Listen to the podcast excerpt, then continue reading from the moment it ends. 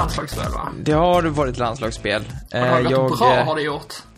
Det har, gått, ja, men det, har, gått- det har gått väldigt bra. Och eh, det var rätt kul igår när jag ändå jobbade med landslag. Eh, gjorde kanal 9-sändningen. Det var Slovenien-England, men vi hade en split screen i, i studion. I den för övrigt gigantiska nya studion som eh, man har eh, kostat på sig i Discovery. Jämfört med eh, vad vi hade förut så var det som, det var som en tändsticksask vad vi hade tidigare och nu så var det som en stor flyghangar. Mer eller får mindre. man hoppas den används till Bundesliga framöver. Eh, det ska den göra. Jag tror att eh, det kommer vara två Bundesliga-sändningar inom kort, för det är Ruhrderby och eh, någon annan stor match som väntar. Eh, antar att det kan vara Bayern Dortmund. Hamburg, Ja. Frankfurt. Är eh, helgen efter tror jag. Ja, så jag tror att de två, de två kommer visas i den här studion. Men i vilket fall, eh, så vi körde upp split screen och då såg man ju Tysklandsmatchen som var betydligt roligare att kolla på än England-Slovenien. Eh, åtminstone den första kvarten. Mm, det Eh. hände en hel del. Ja men det hände en hel del och det har ju varit bara liksom, generellt kan vi säga att det, det blev ju sex poäng. Eh, som hade hoppats. Vinst mot Tjeckien, vinst mot Nordirland och ja, jag slänger bara ut det direkt och säger att den matchen som man gjorde mot framförallt Tjeckien, alltså de 90 minuterna, jag skulle tro att det är en, det är topp tre bästa matcher jag sett under Jogi Löws era i landslaget. Och var spelade laget någonstans? I Hamburg. I Hamburg, såklart. Eh, Men alltså oerhört imponerad, eh, trots att jag eh, saknade Gündogan på plan i båda matcherna eh, från start, så är jag extremt imponerad av, av Fast Tyskland är han bättre än Kedira? Ja, jag tycker det. Ja, kanske. Frågan är om man är det just nu. Det är Ja, han har skadad så mycket. det liksom. Eh, nej, men eh, jävligt eh, stabilt och känns äntligen som att ty tyska landslaget börjar få en enhetlig och fungerande backlinje igen liksom som man kan luta sig mot några år framöver. Mm. Det känns som att Kimmich har kommit in helt rätt på högerbacken och sen Hector har ju... Han blir nästan bara bättre och bättre för varje match han spelar, så det ser ju väldigt bra ut. Och Kimmich är ju i vansinnigt bra form, får man ju tillägga. Alltså, grejen att det, det kändes som att alla eh, har varit, alla i laget, det kändes som att de helt plötsligt formtoppade och pikade de flesta av dem. Alltså jag tyckte Mario Götze var bra, jag tyckte Draxler var bra, jag tyckte Thomas Müller var bättre än vad vi har sett honom under inledningen av den här säsongen. Eh, Alltså alla presterade ju på en nivå som, som vi inte kanske har varit vana att se dem. Och då blir det, det blir så tydligt när man ser ett tyskt landslag där där alla verkligen är, verkar vara där för att de, de vill vara där och att de spelar en kanske, de spelar en lite mer rak fotboll som verkade passa eh, alla. Framförallt mot Tjeckien. Och alltså det var ju, ja men helt plötsligt känns det som att, ja men det här, alltså lövfrågan dog ju lite ut. Det kändes som att eh, nu bör man inte diskutera för att ser det ut så här så ska han ju vara kvar liksom.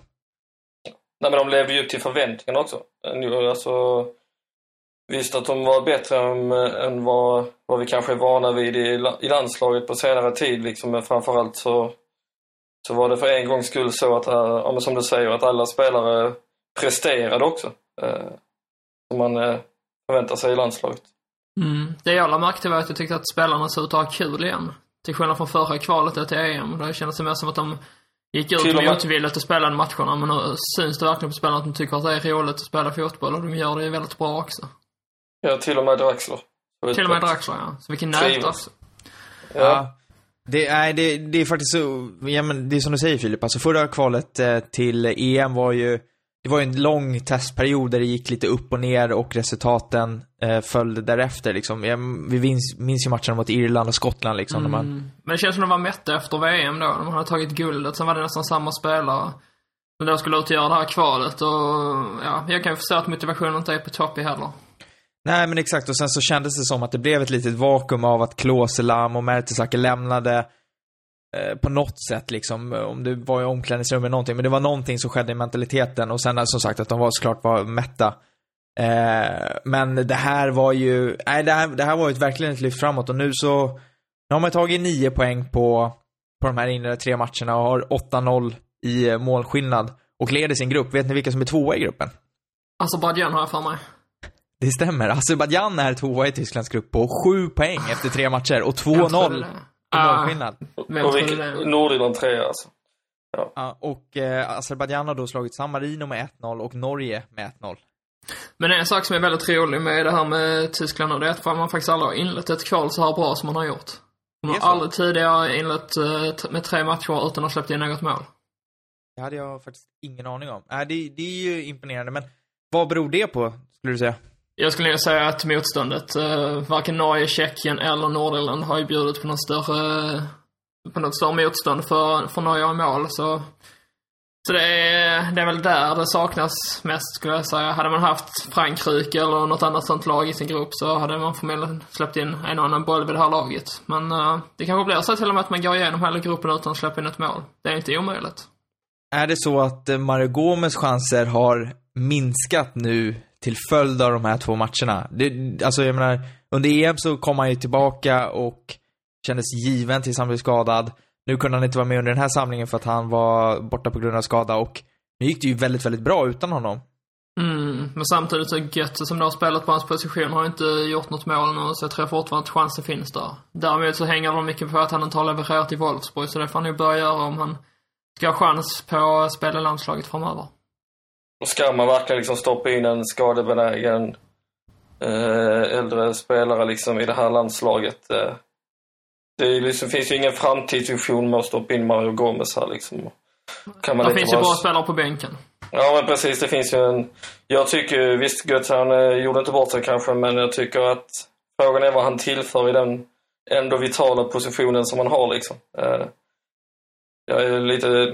Spelar man på den positionen måste man ju även liksom prestera i, i målskytte och, och, och direkta framspelningar liksom. Och jag hade önskat att en, en spelare som Kevin Folland eller någon annan anfallare liksom eh, eh, sett som spik längst fram i, i det tyska landslaget istället för att spela med en falsk nia liksom.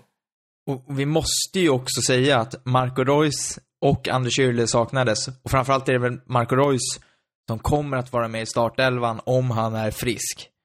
Ja. Eh, vilket kommer vässa landslagstruppen ytterligare.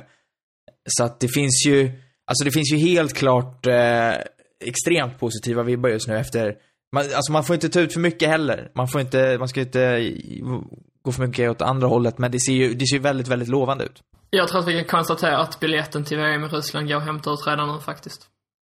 Ja, och vi, vi kan nog konstatera att Grupp C generellt är kanske en av de svagaste grupperna, eller i alla fall den mest ojämna gruppen, för att bakom Tyskland så visar det sig att de andra lagen är jämbördigt dåliga. På pappret är det väl Tjeckien som är det bästa laget och det såg vi att de inte hade något att hämta. Och de står på två poäng och noll segrar så här långt och har inte gjort något mål än så...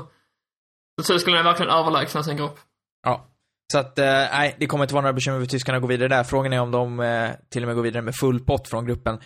Eh, jag tänkte att vi skulle fortsätta där vi någonstans avslutade förra veckan med att då diskutera lite kring vilka vi skulle vilja se ta över, eller vem vi skulle vilja se ta över efter Joggelöv. Och jag bad ju er och även mig själv då att ta ut två namn, ett utländskt och ett eh, nationellt, ett tyskt namn. Som skulle kunna tänkas ersätta Löv, som ni skulle vilja se eh, ersätta Löv om han då lämnar efter 2018. Jag kan också fylla i bara där att i en frågeställning där det har kommit in drygt 120 000 röster på Kicker, eh, där de har ställt frågan om eh, Jogge Löw ska för, kontraktet med Jogge Löw ska förlängas i förtid så har eh, 54% svarat ja och eh, då 46 nej. Så det är ju rätt, det, det är ju, nej, jag säger till och med fel. Det är tvärtom. Nej säger 54% och ja säger 46%. Men det gäller fram till VM, Eh, Exakt, det borde det nuvarande ja. Ja. Eh, men, ja. Vilka vill ni börja med? Vill ni börja med det utländska namnet eller vill ni börja med det tyska namnet? Välj du. Ja, men då tycker jag att vi, jag tycker att vi kan börja med det tyska namnet, för det känns som att det, eftersom att det, är en, det finns en mindre rang av tränare att välja på där. Så att, eh, Andreas, du kan väl nämna vem du, vilket tyskt namn skulle du vilja se gå in som förbundskapten om, eh, efter Jogi Löw? Jag tycker det är skitsvårt eh, det här. Vi snackade om det förra veckan och försökte bolla fram eh, möjliga tränare liksom och så ska man dessutom hitta någon man tror kanske skulle eh, funka i, i, i landslagsmiljö då. Ehm, men jag eh, har lite skräll, eh, skrällaktigt valt Christian Streich då.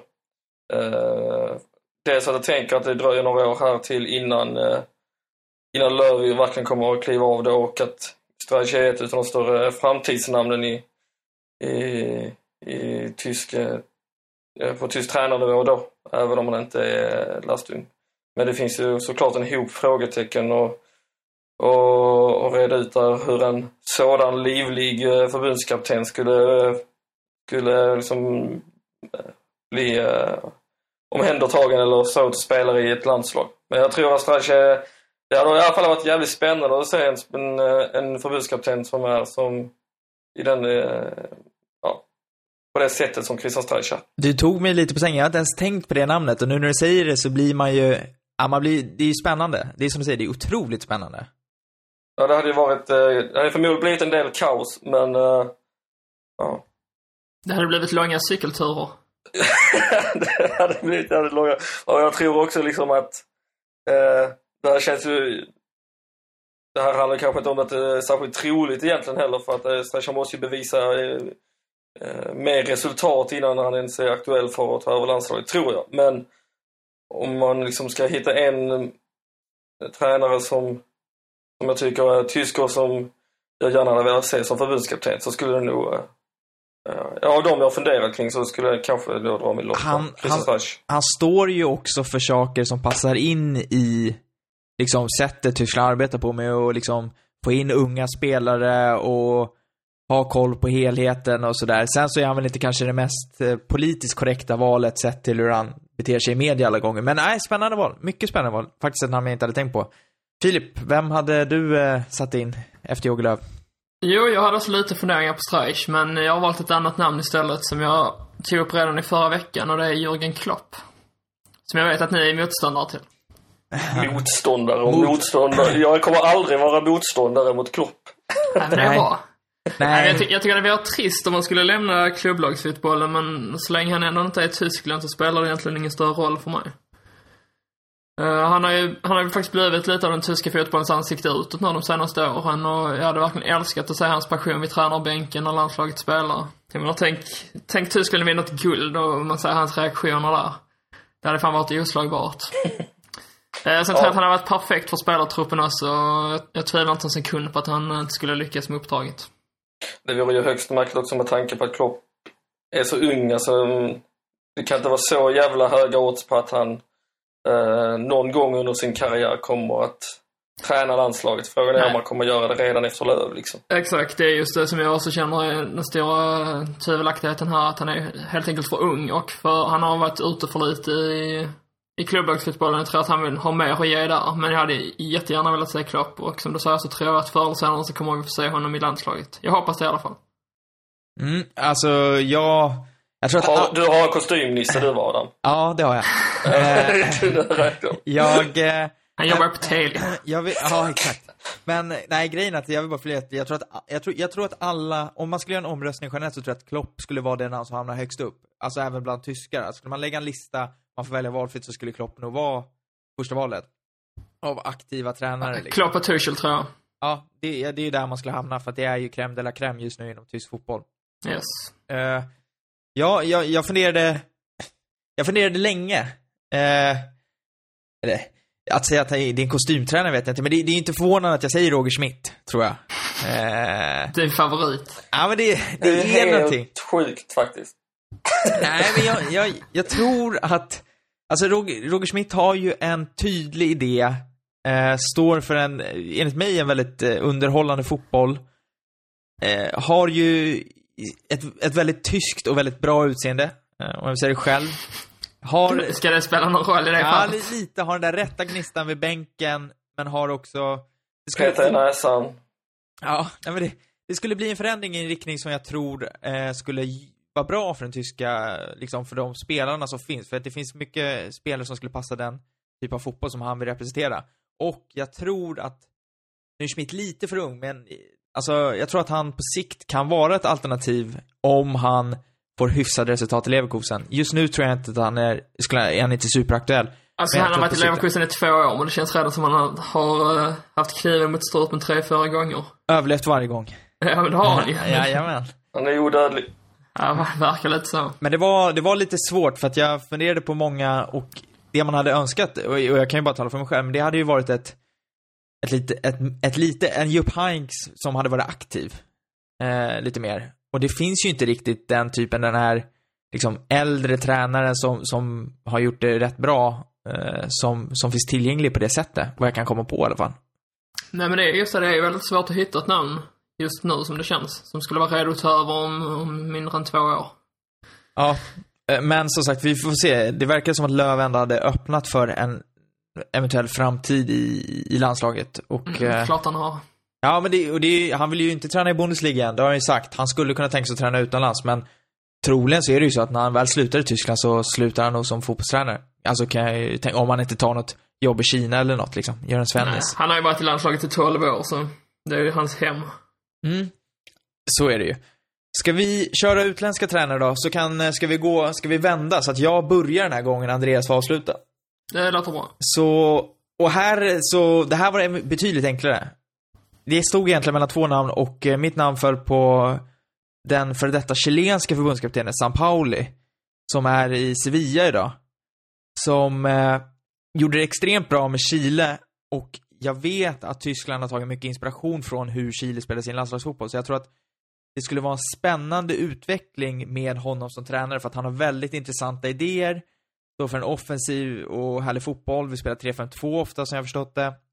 Jag tror att han skulle passa, hans fotboll skulle passa bra in, precis som Schmidt fast på ett annat sätt då. Jag tror att det skulle passa bra in och jag tror att hans idéer, eh, ja men skulle kunna nå ut väl i, i Tyskland. Och jag tycker att det skulle vara väldigt, väldigt intressant att se. Så det är så. Mm. Oväntat val får jag säga. Det var intressant att du var så jävla säker på vad du skulle välja så plockade du en chilenare. Så. Ja. Ja, så att... Eh, ja, men det hade du ju tänkt igenom. Ja, ja men det, det var faktiskt, jag vet inte varför, men det föll sig väldigt naturligt väldigt snabbt för mig att det skulle, att jag hade valt honom. Filip, vem hade Yes. du plockat in? Uh, fan, nu tänkte jag säga Peter Antoni, men han är ju tysk, kommer jag på. Vem skulle du säga, sa du? Han som tränar, jag kan inte uttala hans namn, han som spelar i Assyr. Eller Ja, han som Peter, tränar Peter Assyr. Antoine. Antoine, kan. För han är ju tysk. Jag tyckte du men, sa Peter Antonio först. Ja, men det är väl så det heter på skånska. Ja, men Antoine är ju för övrigt, det låter ju inte tyst överhuvudtaget. Han är ju tysk. Han är tysk, men det låter inte tyst. No, Det är ju, liksom, han måste ju vara från västra delen, nära den franska gränsen eller något. Ja, det vet man inte. Nåväl, vem hade du valt? Nåväl, ja, jag har ju inte lämnat uh, Tysklands gränser då, utan jag har ju valt Peter Stöger som håller till i Köln. Ja? Den där sucken, kan du förklara den? Ja, nej, men alltså grejen är att det är ett så, det är ju ett, helt ärligt så är det ett skittråkigt men väldigt bra val, skulle jag säga. Mm, men det det limmar med tysk uh, fotboll egentligen. Ja. Eller inte med fotboll så, men med landslagsfotboll i alla fall. Löv känns ju inte heller, det, man går inte igång på Löv. Exakt, det är precis, precis samma känsla får jag Stöger. Ja, jag tänk, alltså, ska jag vara helt ärlig, jag tänkte ju inte ens utanför Bundesliga i detta fallet.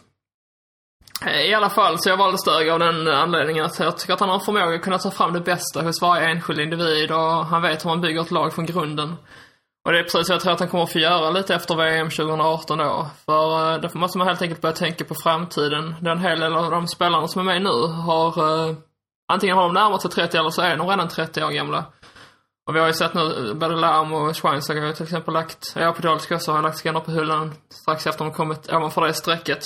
Så det är inte helt omöjligt att fler tar efter där. Eh, och det är ett flertal talanger som står och väntar på sin tur. Och de vill ju komma in i laget och det kommer de förmodligen få göra också, speciellt under Stögers ledning tror jag. Eh, under sin tid i Köln har han ju bevisat att han besitter en unik, ett unikt ledarskap. Eh, han har tagit klubben från eh, botten egentligen till toppen på kort tid och det har han gjort med samma spelarmaterial i stort sett. Ja men jag vet inte, jag tycker han, han känns som han hade varit omtyckt av spelargruppen också och verkar vara en lättsint människa. Så jag är helt övertygad om att han hade skapat god stämning i truppen. Det är Eh, ett sen, svinbra val. vad sa du? Det är ett svinbra val Filip. Ja, hade Det också är valt- så håller bra med. att utav alla jävla världens tränare så har vi valt samma. Ja, Men eh, jag har ju en Ja. reserv annars. det har jag också. Men jag tror att vi har Fast jag samma reserv. sagt hela Jag, tror att vi, jag tror att vi har samma reserv också nämligen. Men eh, Vem är din reserv? Favre. Ja. Men om vi börjar med Stöger då så, eh, yes, så, höll jag, så höll jag med det om Filip sa också. Men eh, just så här man ska kunna utveckla det man har lite sen efter, efter VM. Det Stöger har gjort i Köln är att han har arbetat extremt bra med befintligt material liksom. Och eh, verkligen visat på resultat också. Eh, Men samtidigt har han ju tagit in talanger som har alla de här och gett dem chansen och låtit dem bli nyckelspelare. och jag har jävligt svårt att, att se om man plockar in en förbundskapten som har noll, noll procent eh, erfarenhet utav faktiskt eh, tysk fotboll på, på något sätt liksom. Eh, så därför har jag kollat in i, i, i den tyska fotbollen då, eller den tidigare tyska fotbollen. Ja, nej men eh, bevisligen så är, det, är ni ju någonting på spåren eftersom ni båda tagit fram samma namn. Och, Men du kan alltså skriva under på det? Alltså, jag skulle säga att båda vore ypperliga val. Eh, Mm. Jag tycker Peter Stöger är, som sagt, jag tycker han är dötråkig, men jag tycker att det, det känns ju som ett superrimligt val. Alltså ett jättebra alternativ. Och Favre Vi ska också. säga också att han är österrikare, så han är ju mer eller mindre tysk. Ja, jag hade, man, jag funderade lite på så här typ Marcel Koller, men nej, då, alltså S- Stöger är ju, är, det är ett vasst val. Alltså han skulle göra jag tror att han skulle göra det väldigt, väldigt bra. Han är också, han är också lite så här mellantinget mellan eh, kostymbäraren och eh, typ Streich liksom med sin, eh, sin pikétröja. Ja, och jag tror att han har en, liksom, rätt typ av personlighet för att vara förbundskapten. För att förbundskapten handlar om så mycket annat än att liksom vara fotbollstränare. Han har ju en rätt lågmäld profil, korrekt. Förutom men när det är alltså- karneval. Ja, exakt. Nej men alltså, han, jag, är, jag, är imponerad. Jag är imponerad över att ni tog fram Favre hade jag inte heller, jag hade inte ägnat en tanke åt Favre faktiskt. Vem hade trott att jag skulle tagit en Hamburg-tränare förmodligen? Nej, nej men absolut inte. Det trodde jag verkligen inte. Eh, det kändes som att jag var närmare att ta en Hamburg-tränare än du. Och då var jag väldigt långt ifrån. Eh, kan jag säga. Men nej, men eh, jag vet inte. Jag hade, vad konstigt. Jag hade nog inte tänkt in det för Tyskland överhuvudtaget faktiskt. Men eh, det kanske jag Aha. borde. Men Favre är ju egentligen ett mer logiskt val om man ska säga, eller aktuellt val tror jag än eh, Stöger liksom eh, faktiskt. Eh, med tanke på att han har tidigare eh, erfarenhet utav, eh, han har tränat längre i, i högsta tysk fotboll och är ju, ja, Nice kanske inte ska klassas som ett eh, topplag men det är ju ett rejält satsande lag också. Eh, Men sen känns han fruktansvärt opålitlig sen han var hoppade av uppdraget till Gladbach. Ja, Mm. det är sant. Vi är ju faktiskt inte de enda som har funderat över förbundskaptener genom åren. Och jag tänkte, jag kom över en lista som jag nu också har framför mig över namn som tidigare har diskuterats när det har varit snack om eh, förbundskaptener. Och det, det gäller inte precis nu under Lööfs era, men det här är namn som har nämnts eh, kunna bli förbundskaptener när det har varit på väg att öppna sig en roll som det är i Tyskland. Och eh, bland de kanske lite mer rimliga så kan vi hitta namn som Ottmar Hitzfeldt, eh, Otto Rehagel, Jupp Heynckes. Eh, får vi ändå säga alla tre kan man förstå varför de har nämnts i, Mm. Absolut. i sammanhanget. Eh, inga konstigheter. Vi har även haft en eh, Giovanni Trapattoni som det diskuterades under eh, vid millenniumskiftet. Eh, i samma, vid samma tidpunkt diskuterades även Paul Breitner. Som eh, väl aldrig varit tränare vad jag kan minnas. nej, det var väl något. Ja, och sen så har vi Arsène Wenger som också diskuterades under millenniumskiftet att han eh, skulle kunna bli förbundskapten. Roy Hodgson var med i diskussionen också.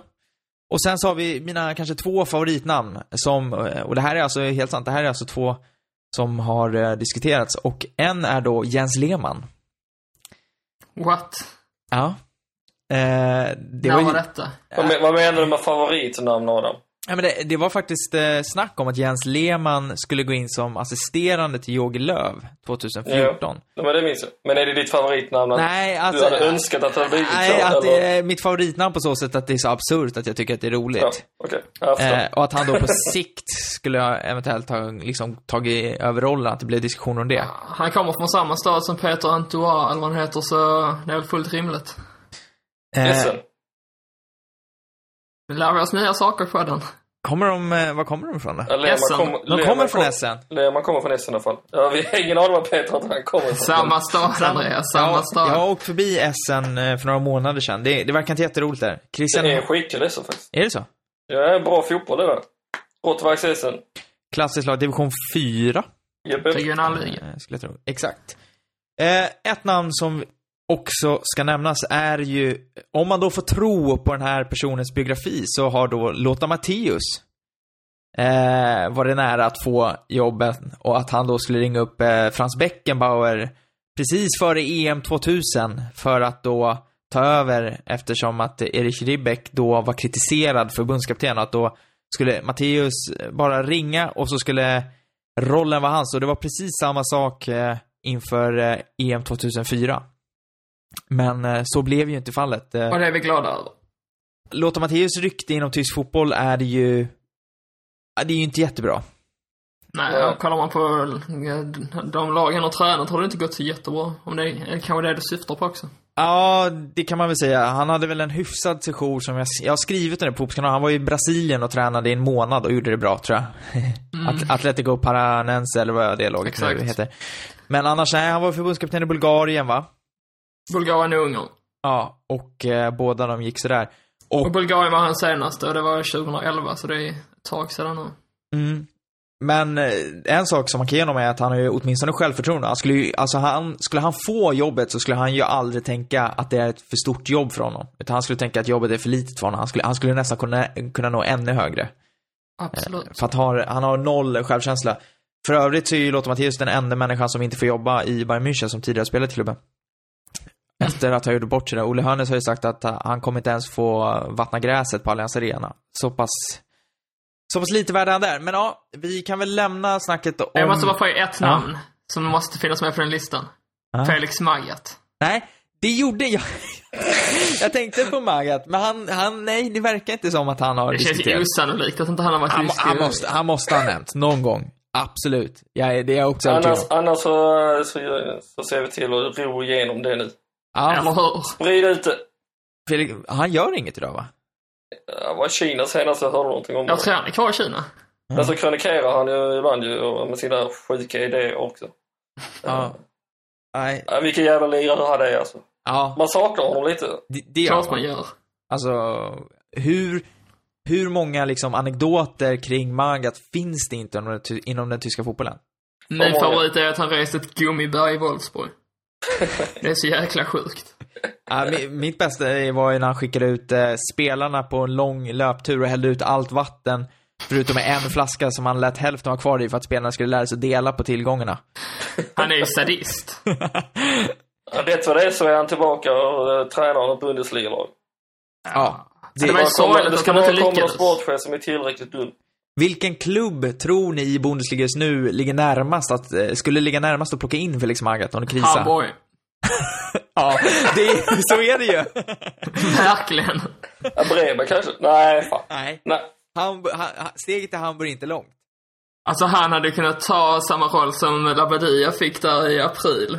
När laget ligger på nedflyttningsplats så får han komma in och ska styra upp det. Han hade säkert klarat det, alltså, för han hade satt skräck i samtliga spelare som han inte vågat förlora. Grejen är ju så här, och det får man ju liksom inte, man kan ju inte glöm, man kan ju ändå inte se förbi det, men det är att han resultatmässigt har han gjort det rätt bra liksom. Det var ju bara Alltså, i Fulham egentligen. Ja, i Tyskland så har han ju alltid liksom nästan fått resultat. Jag menar, Ja, han såg ju också till att värva typ ett halvt San Marino till Wolfsburg också.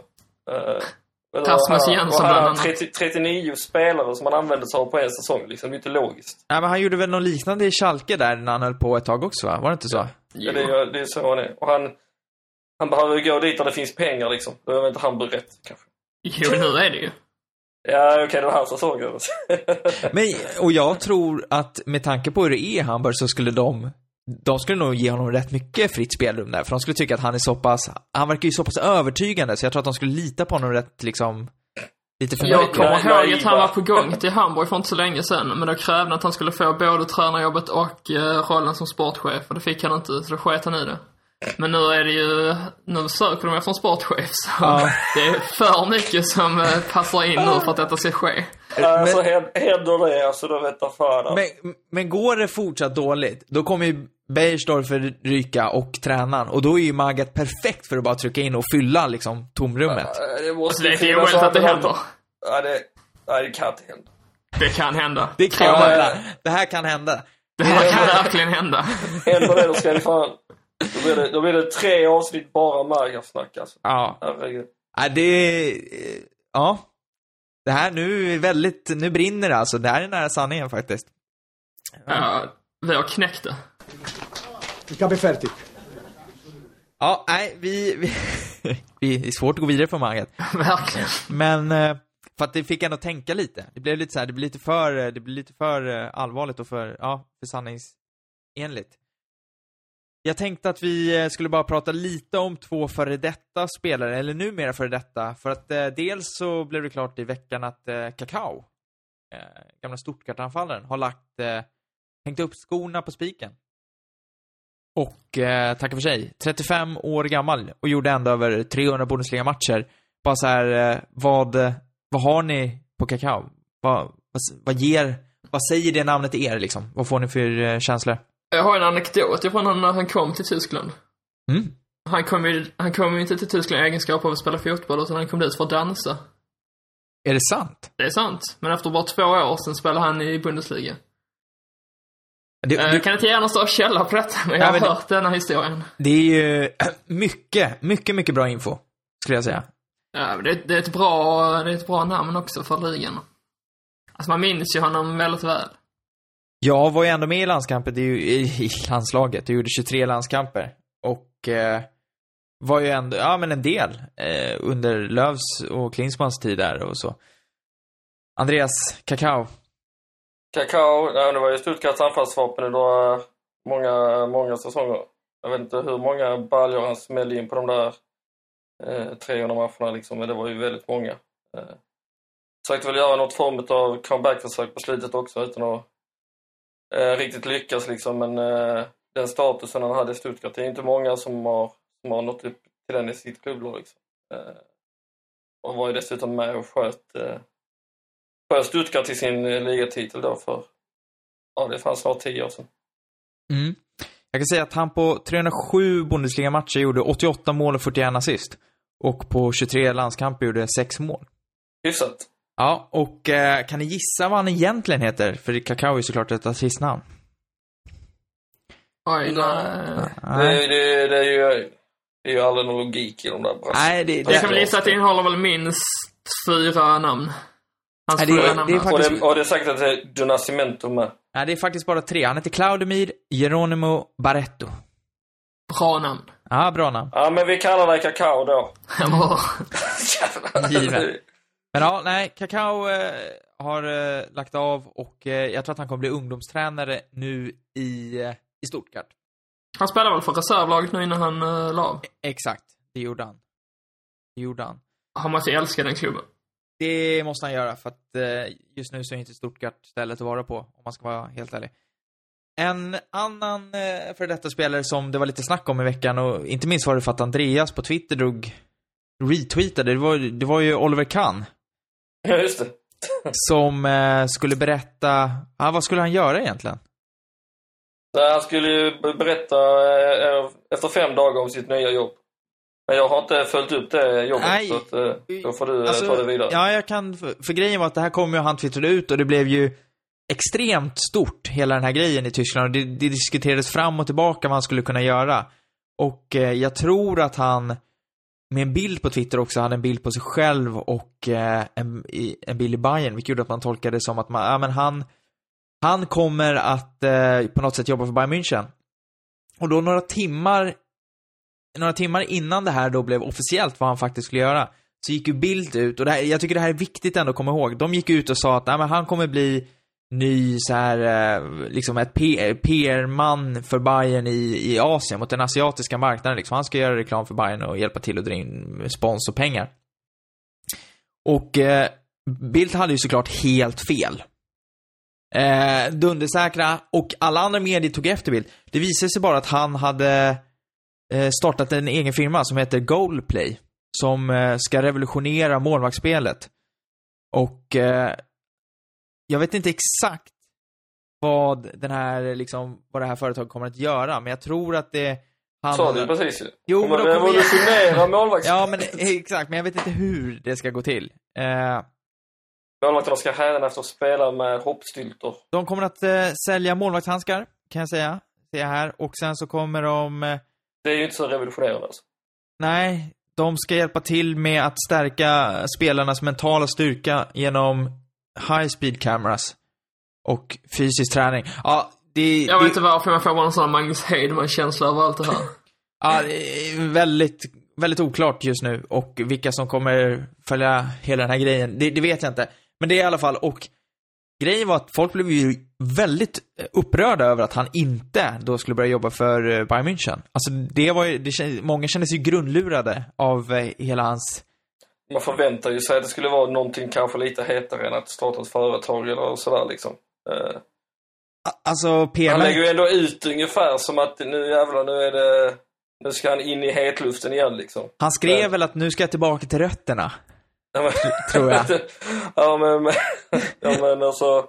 ehm, nej, men det är ju såklart... Uh, Oliver Kahn han är ju extremt stor personlighet i tysk fotboll liksom. Och, och hatad och älskad liksom. Och då tänker man, ja fan vad kul det hade varit om han dök upp och om man så bara satt med på någon bänk någonstans eller på läktaren liksom på, på sådär. Men eh, nej, det gör han väl i sig ändå. Men eh, inte i egenskapet av någon roll i Bundesliga. Man hade ju älskat om han hade gjort en timvise och blivit eh, wrestlare. Ja, det hade ju varit oväntat om ett annat. Han har ju hyd, han har ju potentialen. Det är det jag. menar. Han har ju aggressiviteten också. Vi måste följa upp Tim Wiese tror jag till nästa vecka och bara se hur långt ifrån han är att faktiskt, har han, han har inte gjort debuten. Jag vet Han, att han det tränar. blev klart att han skulle göra det i alla fall. Ja, vi, vi skriver upp den på listan att eh, ta reda på till nästa veckas avsnitt var... Och, och räkna ut vem som skulle vinna mellan Oliver Kahn och Tim Wiese i wrestling. Ja. Eh, de måste utgå från, är det nuvarande ålder eller när båda var inom en viss ålder? Nej, nu. Ja. Men Oliver Kahn måste få tid på sig att träna. Han måste... ja, precis. Tim Wieses eh, Twitterkonto är ju värt att följa för den som vill se bilder på stora muskler, en tysk som Alltså, gillar att han är ju skjuta vapen. alltså.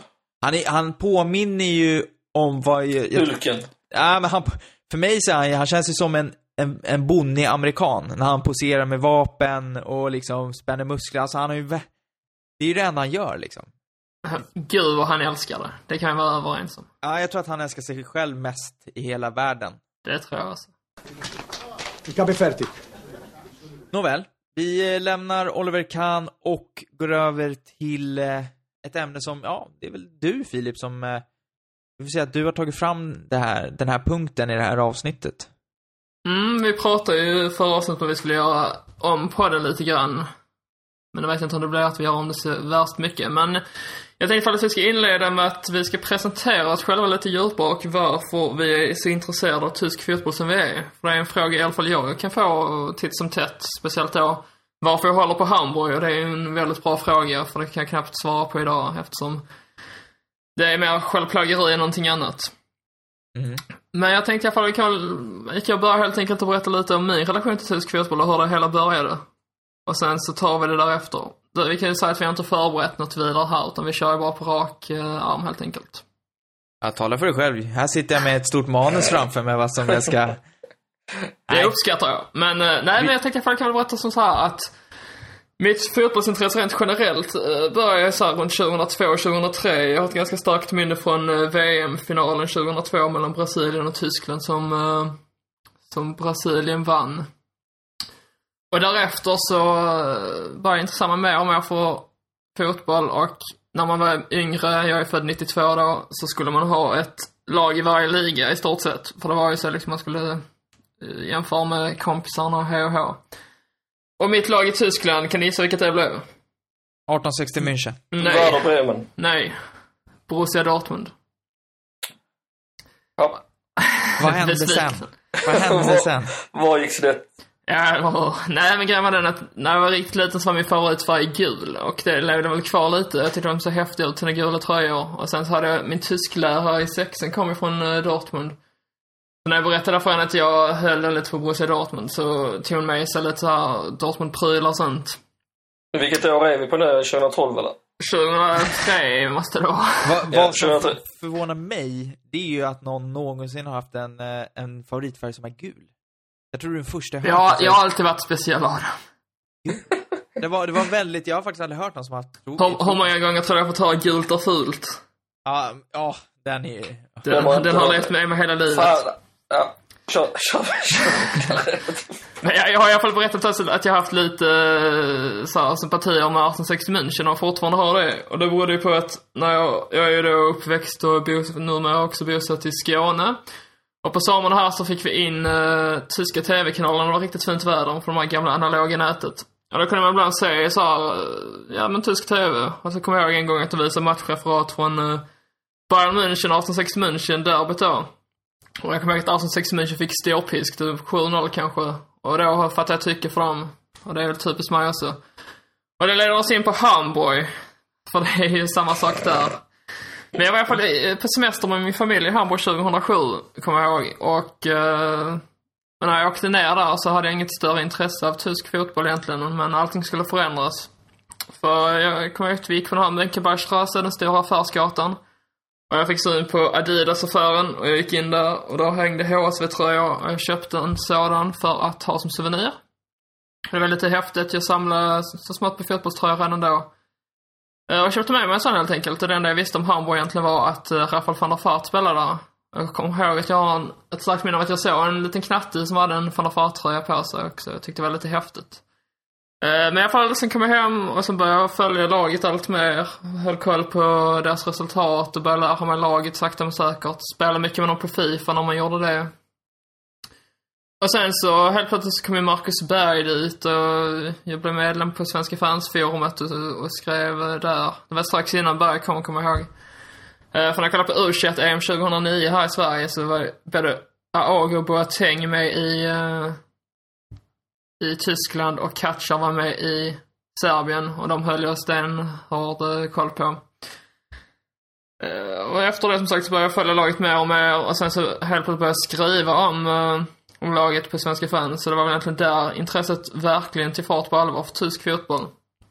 Uh, för sedan dess har jag helt enkelt bara skrivit mer och mer och mer och engagerat mig mer och mer och mer och börjat titta otroligt mycket på tysk fotboll, både landslaget och klubbfotboll och idag är jag även väldigt intresserad av Sverige till Bundesliga och inte bara Bundesliga då. Du har ju varit så pass intresserad att du ändå liksom tog steget och flyttade ner och liksom jag ska säga det, det blev ju så också att uh, när jag läste tyska i skolan innan, men jag var aldrig intresserad av det så jag hoppade av den redan gick i åttan och kunde egentligen ingen tyska alls. Så bara två år sedan började jag läsa upp min tyska ganska rejält för innan har man ju bara läst artiklar på nätet. Uh, HSV-artiklar och sånt som man har kunnat översätta och, och lyckats haka sig fram lite på genom sin grundliga tyska. Men just mitt intresse för då tysk fotboll och Hamburg fick mig att flytta ner till just Hamburg och där bodde jag ju nu ett halvår detta året och kommer troligtvis flytta ner ganska så snart igen. Jag vet dock inte om det blir Hamburg denna gången men Tyskland lär det bli hur som helst. Eh, så så är det i alla fall. Så nu brinner jag väldigt mycket för tysk fotboll. Och jag tänkte säga att jag har ju några spelare som har eh, varit bidragande orsak till detta och samtliga då spelar, eller har spelat ska jag säga, i Hamburg, inte helt oväntat. Och det är Mladen Petric. Det var väl egentligen den första spelaren jag riktigt fick upp ögonen för, förutom då Rafael von der Fart. Uh, eh, den här typiska dynamiska anfallaren som kan göra mål precis var som helst ifrån. Öste in mål i Hamburg, var tidigare i Dortmund, var riktigt bra där också. Men slog väl egentligen igenom uh, först i Hamburg på allvar. Och jag har ett väldigt starkt minne från hans frisparkskanon mot Fulham i semifinalen av Europa League 2009. Dock eh, torskade HSV returen och åkte ut, men uh, det målet eh, är nog det finaste målet jag någonsin sett. Och sen har vi då Piotr Trushovski, också en spelare som jag snabbt fattade tycke för. Uh, var ett tag aktuell för det tyska landslaget och, och ja, han kunde verkligen blanda och ge, för där fanns det matcher man inte såg till honom överhuvudtaget. Sen fanns det det som han verkligen kunde avgöra helt på egen hand. Uh, och han spelade faktiskt i Augsburg så sent som förra säsongen, men står just nu utan klubb, tråkigt nog. Gick till Sevilla när han lämnade Hamburg, tvingades bort därifrån eh, när de skulle föryngra laget och dra ner på löneutgifterna. Eh, sen har jag Rod van Nistelrooy.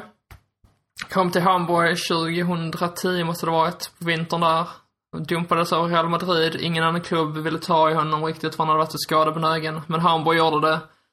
Och jag kommer ihåg honom från tidigare när jag var yngre när han spelade i Manchester United och Holland. Redan då var han lite en favoritspelare till mig. Så det var ju helt fantastiskt när han hamnade i Hamburg. Och han gjorde ju verkligen succé där. Synd bara att det slutade så olyckligt att de skildes åt som eh, ovänner eftersom han prompt ville tillbaka till Real Madrid när de hade skadebekymmer medan Hamburg definitivt inte ville släppa honom. Uh, och de andra två spelarna är då Rafael van der Fart och Marcel Jensen, kanske de spelarna som uh, jag tycker allra bäst om i tysk fotboll av allihopa. Martin Jensen han har ju verkligen det här hjärtat för klubben, vilket han bevisade nu när han la skorna på hyllan eftersom han eh, inte ville representera någon annan klubb helt enkelt och bor kvar i Hamburg och rör sig mycket i, i klubben och ställer upp på det mycket. Träffade honom också förra säsongen eh, efter vinsten mot Gladbach som alltså är ett lag i hans hjärta. Och då snackade vi lite och eh, fantastiskt trevlig kille och jag kommer ihåg att jag fick hans autograf också när jag var nere 2010 på min första match. HSV Chelsea, en träningsmatch som Hamburg vann. Berättade jag nog rätt nyligen i podden tror jag. Men i alla fall så fick jag hans autograf på en halsduk och eh, det var ju så väldigt häftigt för mig då. Och sen Rafael van der Vaart, den enda spelaren som eh, fortfarande spelar fotboll. Eh, I vad ska jag säga egentligen? Ja, i Midtjylland. Eh, jag planerar att jag ska åka och träffa honom eh, snart eh, och intervjua honom hade jag tänkt passa på nu när, när han är så nära som han är och tillgänglig. Det är väl den spelaren som har betytt allra mest för mig skulle jag säga. Jag är min största idol genom tiderna. Jättetråkigt att det har gått som det har gått för honom nu på senare år men hans första session i Hamburg var helt fantastisk och när han kom tillbaka till Hamburg för 2012 så var det nog ingen som var lyckligare än vad jag var. Herregud, alltså det var, det var verkligen en dröm som blev sann. Alltså jag har ju, jag har ju massvis med följdfrågor eh, på det här. Ja, vad härligt. Ska jag Så- bara gå igenom först bara vilka klubbar som jag gillar och eh, vilka klubbar som jag ogillar lite? För det var det jag så bra, jag sa att vi skulle göra. Absolut. Ja, men kö- kör eh, vilka, som, vilka klubbar som du mer sympatiserar med i Tyskland och vilka som du absolut inte sympatiserar med. Och sen kör vi frågor efter det. Ja, absolut. Sen kommer jag och Andreas skjuta frågor på dig. Jättebra. Men i alla fall, klubbarna jag gillar. HSV såklart, nummer ett. Eh, laget i mitt hjärta. Jag känner verkligen kärlek till den klubben. Ibland kan jag bara tänka på den och så känner jag verkligen hur det känns i hjärtat. Och det bevisar sig nu när det går så tungt som det gör för dem att hela mitt liv eh, går mer eller mindre under. För det, laget betyder så otroligt mycket för mig och jag önskar att jag hade kunnat hjälpa dem på något sätt och vis. Mer än det jag gör. Driver HC Sverige, officiell eh, supporterförening och skriver flitigt om laget, eller har gjort i alla fall, på Svenska fans de senaste 5-6 åren. Uh, och ja, jag, jag, jag hade verkligen kunnat mer eller mindre offra hela mitt liv för att eh, jag skulle kunna rädda klubben. Uh, sen har jag två lag som jag sympatiserar lite med och det är 1860 München som jag nämnde. En klubb jag hade jättegärna velat se tillbaka i Bundesliga. Tycker det var tråkigt när de håller på att åka ut två år i rad i Schweiz, men jag hoppas att det blir bättre. Eh, men ja, när de väl är tillbaka i Bundesliga så eh, kommer jag givetvis hålla på HSV när de eh, ställs mot varandra, men jag kommer önska 1860 Mission all lycka till. Sen har vi Arminia Bielefeld som är Hamburgs kompisklubb.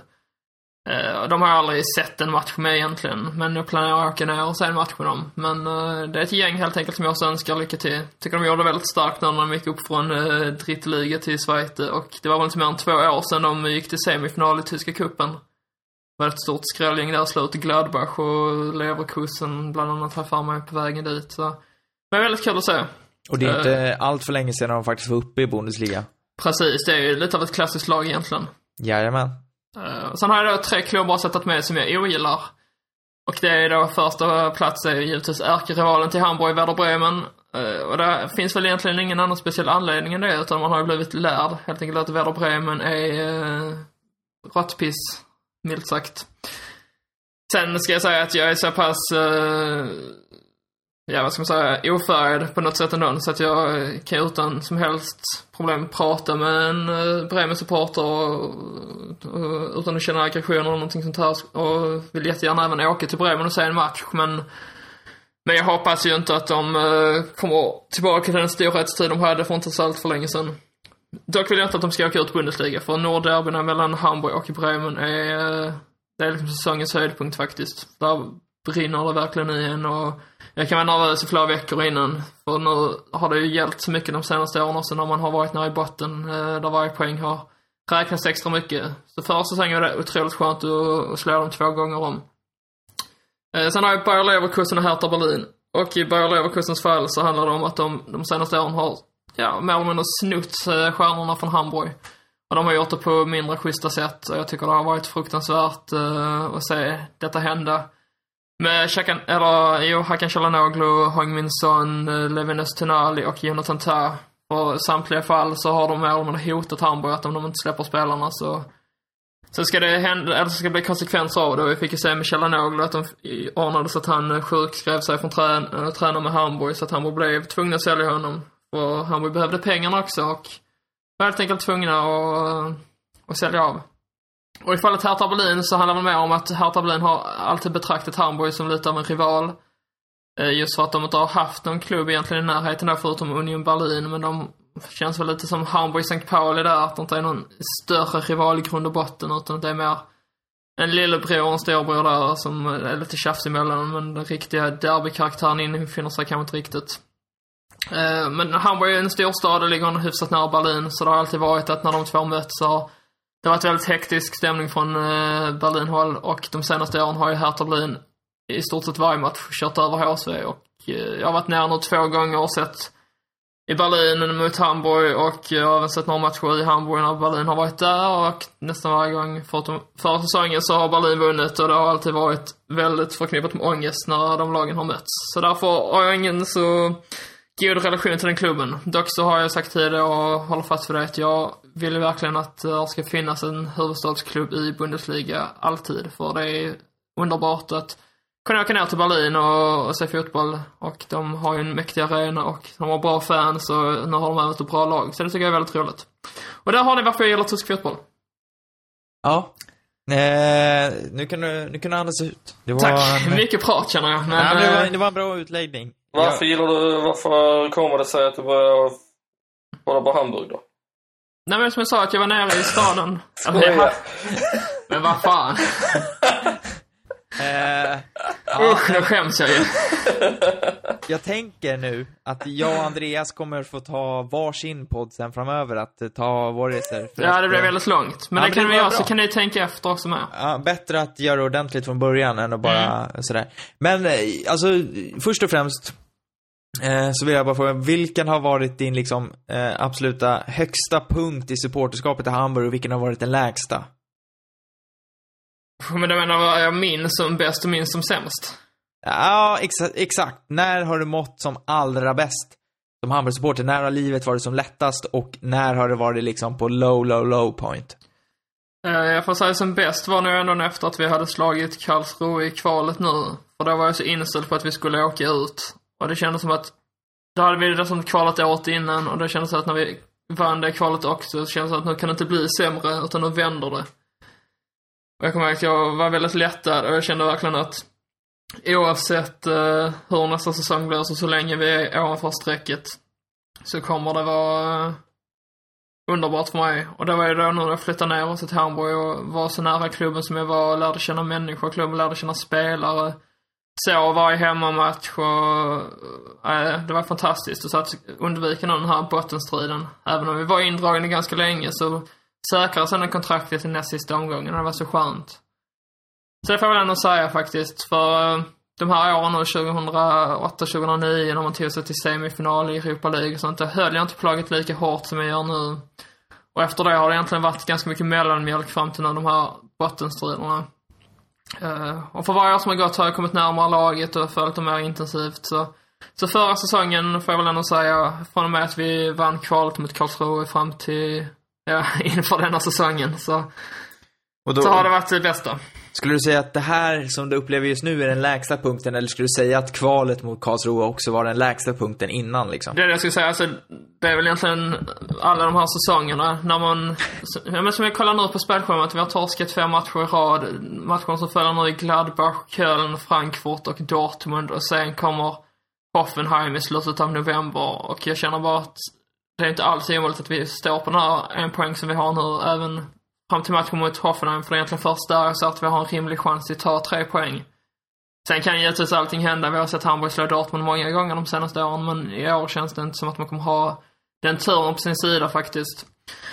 Så jag får ändå säga att just nu så mår jag verkligen inte bra på grund av det som händer i Hamburg. Och, och tillsammans då med främst den säsongen då, eh, med kvalet mot Karlsruhe för två säsonger så blir det då. Det är väl de sämsta minnena jag har. Mm. Vem, eh, vem är din lagkapten eh, i, i Hamburg? Jag vill ju egentligen säga Rafael van der Vaart, men jag får nog säga David Jarholim. Eh, spelare jag inte hade med på min lista nu, men herregud vad han har gjort mycket för klubben och, och det är verkligen en spelare jag högaktar. Mm. Och så vill jag bara fylla på, och det här, det här är ju svårt att köpa uppstuds, men om du skulle liksom genom åren ta ut din liksom Hamburg startelva och du får bara blanda spelare, hur skulle den se ut? Vi kan börja, vem, spelare vem, vem, vvem skulle du ställa i mål? Jag skulle ha Frank Röst i mål faktiskt. Han visar Ja. så fruktansvärt mycket karaktär. Mjukisbralla, haft, eh, mjukisbralla eller hur? Vad sa du? Mjukisbralla känns det som på honom.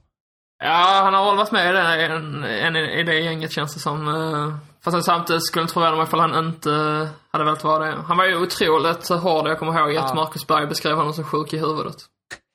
Eh, Frank Rost i mål och sen så har du en backlinje. Mm, då sätter jag en, uh, jag sätter nog Aogo på vänsterbacken faktiskt, som eh, är Schalke nu. Han visar mycket hjärta under sin tid i Hamburg, jag tyckte om honom. Matthijs i mittback tillsammans med Company. Högerback Dennis Dikmajer. Och nu går jag bara på spelare där som är favoriter till mig. Ja, och det, det tycker jag du ska göra. Det ska ju sägas, Aogo fick, kom det ju fram att Labadia ville ha honom i somras, men att ledningen verkar ha sagt nej till det. Ja, och det visar väl alltså vilken storhetsvansinne man har. Istället värvar man då en vänsterback från Brasilien för 10 miljoner euro. Eh, Ja. eh, nu ska man inte döma ut honom på förhand, men för den, den pengen så känns det ju inte som att han kommer kunna motsvara vad man la ut på honom oavsett hur bra han är. Nej, exakt. Men eh, backlinjen Aogo, Matthijsen, Company och Dikmajer. Och sen så har vi ett mittfält då. Mm, ska man köra 4-2-3-1 kanske? Ja, du får spela precis Jag kör det i alla fall, för då kan vi ha de Jong som defensiv. Tillsammans med Katcher, så att, nej, Jarholim såklart, herregud. Men Katcher är som favorit till mig. Men Jarholim och, uh, fan jag säger Roberto, så det är svårt. Men jag, nej, jag säger de Jong och uh, Jarholim. Och sen till vänster då har jag Jansen. Eh, I mitten van der Fart, höger Trushovski och på topp så kör jag Petric. Mm. Ja, det är en fin elva alltså. Visst är Det det? är, ja, det är en fin elva skulle jag säga. Väldigt tufft att ta ut, ska jag säga dock, men... eh, Och då har du ju ändå liksom, du har ju ändå sparkapital. Du har ju som sagt Van, eh, Nistelrooy och sånt där som du hade, men eh, Precis. Det är ju väldigt många spel som inte får plats. ja. Man ska, Hamburg har haft, haft många bra spelare genom åren faktiskt. Mm, verkligen. Många man har uh, skitit i, rent ut sagt, och Aha. gett bort till andra klubbar som sen har utvecklats där. Det är trist. Verkligen. Andreas, har du någon eh, fråga till Filip? Mm, nej. Jag får ju hålla på Hamburg. Ja, precis. Nej, men jag tyckte det var, det var en bra utläggning och eh, jag eller Andreas kör då vår i, eh, någon, av, någon av våra kör nästa vecka och sen den som inte kör nästa vecka följer upp och kör veckan efter det Det låter bra. i podden. Det ser jag fram emot. Il capo è ferti. Jag eh, tänker att vi ska runda av veckans podd och vi ska göra det med ett nytt segment som eh, fantasilös nog eh, kommer kallas för Vem är spelaren? Det kan ju också vara tränare, men vi kommer börja med spelare. Och eh, det kommer helt enkelt gå ut så på att jag kommer att eh, eh, säga en eh, spelarkarriär. Jag kommer berätta vilka klubbar den här spelaren har representerat. Vi kommer inte säga vem det är i podden och det är bara jag som vet så att Andreas och eh, Filip är inte heller jag vet ju inte från början vem det är, men de kan ju gissa sig till vem det är. Vi kommer säga det och sen så kommer vi ta upp i liksom veckan efter podden eh, vem det är och så kommer jag då eh, ta, köra lite faktakoll med, med Filip och Andreas där de kommer få höra några påståenden och gissa om det är sant eller falskt. Och vi lovar inte googla. Eh, det tycker jag är en bra idé. Ja. Det är helt okej att använda Alta Vista. eh, och jag ska också säga att eh, den här spelaren kan vara både aktiv och eh, inaktiv som spelare kan ha lagt skorna på hyllan. Och eh, behöver inte vara tysk utan egentligen bara ha koppling till tysk fotboll, det vill säga ha spelat i landet eller då eh, på ett eller annat sätt kopplas till tysk fotboll. Och eh, den första spelaren, och jag ska säga på så här svår, svårighetsgrad, då skulle jag säga att eh, om, från en skala på 1 till 5, där 5 är så svårt som möjligt, så skulle jag säga att det här, är- det här är en tvåa. Jag skulle säga att det, det är en rätt mjuk start. Och jag kommer säga klubbarna helt och hållet utan kronologisk ordning, utan bara säga vilka han har representerat. Och eh, på listan sitter vi AC Milan, Bayern München, Middlesbrough, Liverpool, Tottenham och Mönchengladbach. Oj, det var en stökig blandning. Det var en stökig blandning. Är det, är det, för någon av er ringer det någon klocka direkt? Säg lagen igen. ja, Milan, Bayern München, Mönchengladbach, Tottenham. Middlesbrough och Liverpool. Mm. Ja, det verkar ju som att ni kommer få tänka, suga på den karamellen lite. Eh, vi kommer... det var ju bra. Med de lagen så känns det som att det är någon spelare man kommer komma på i alla fall.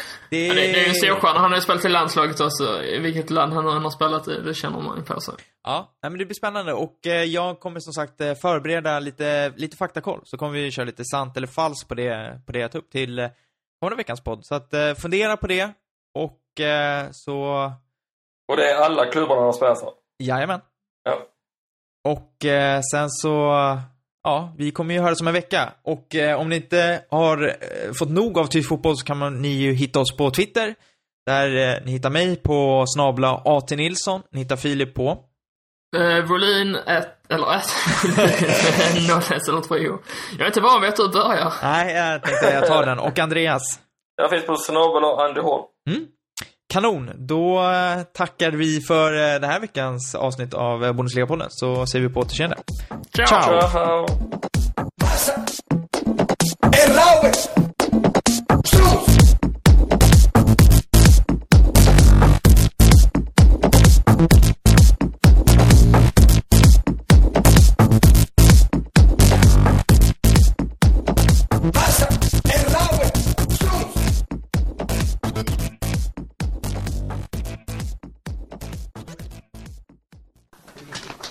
Capeferti.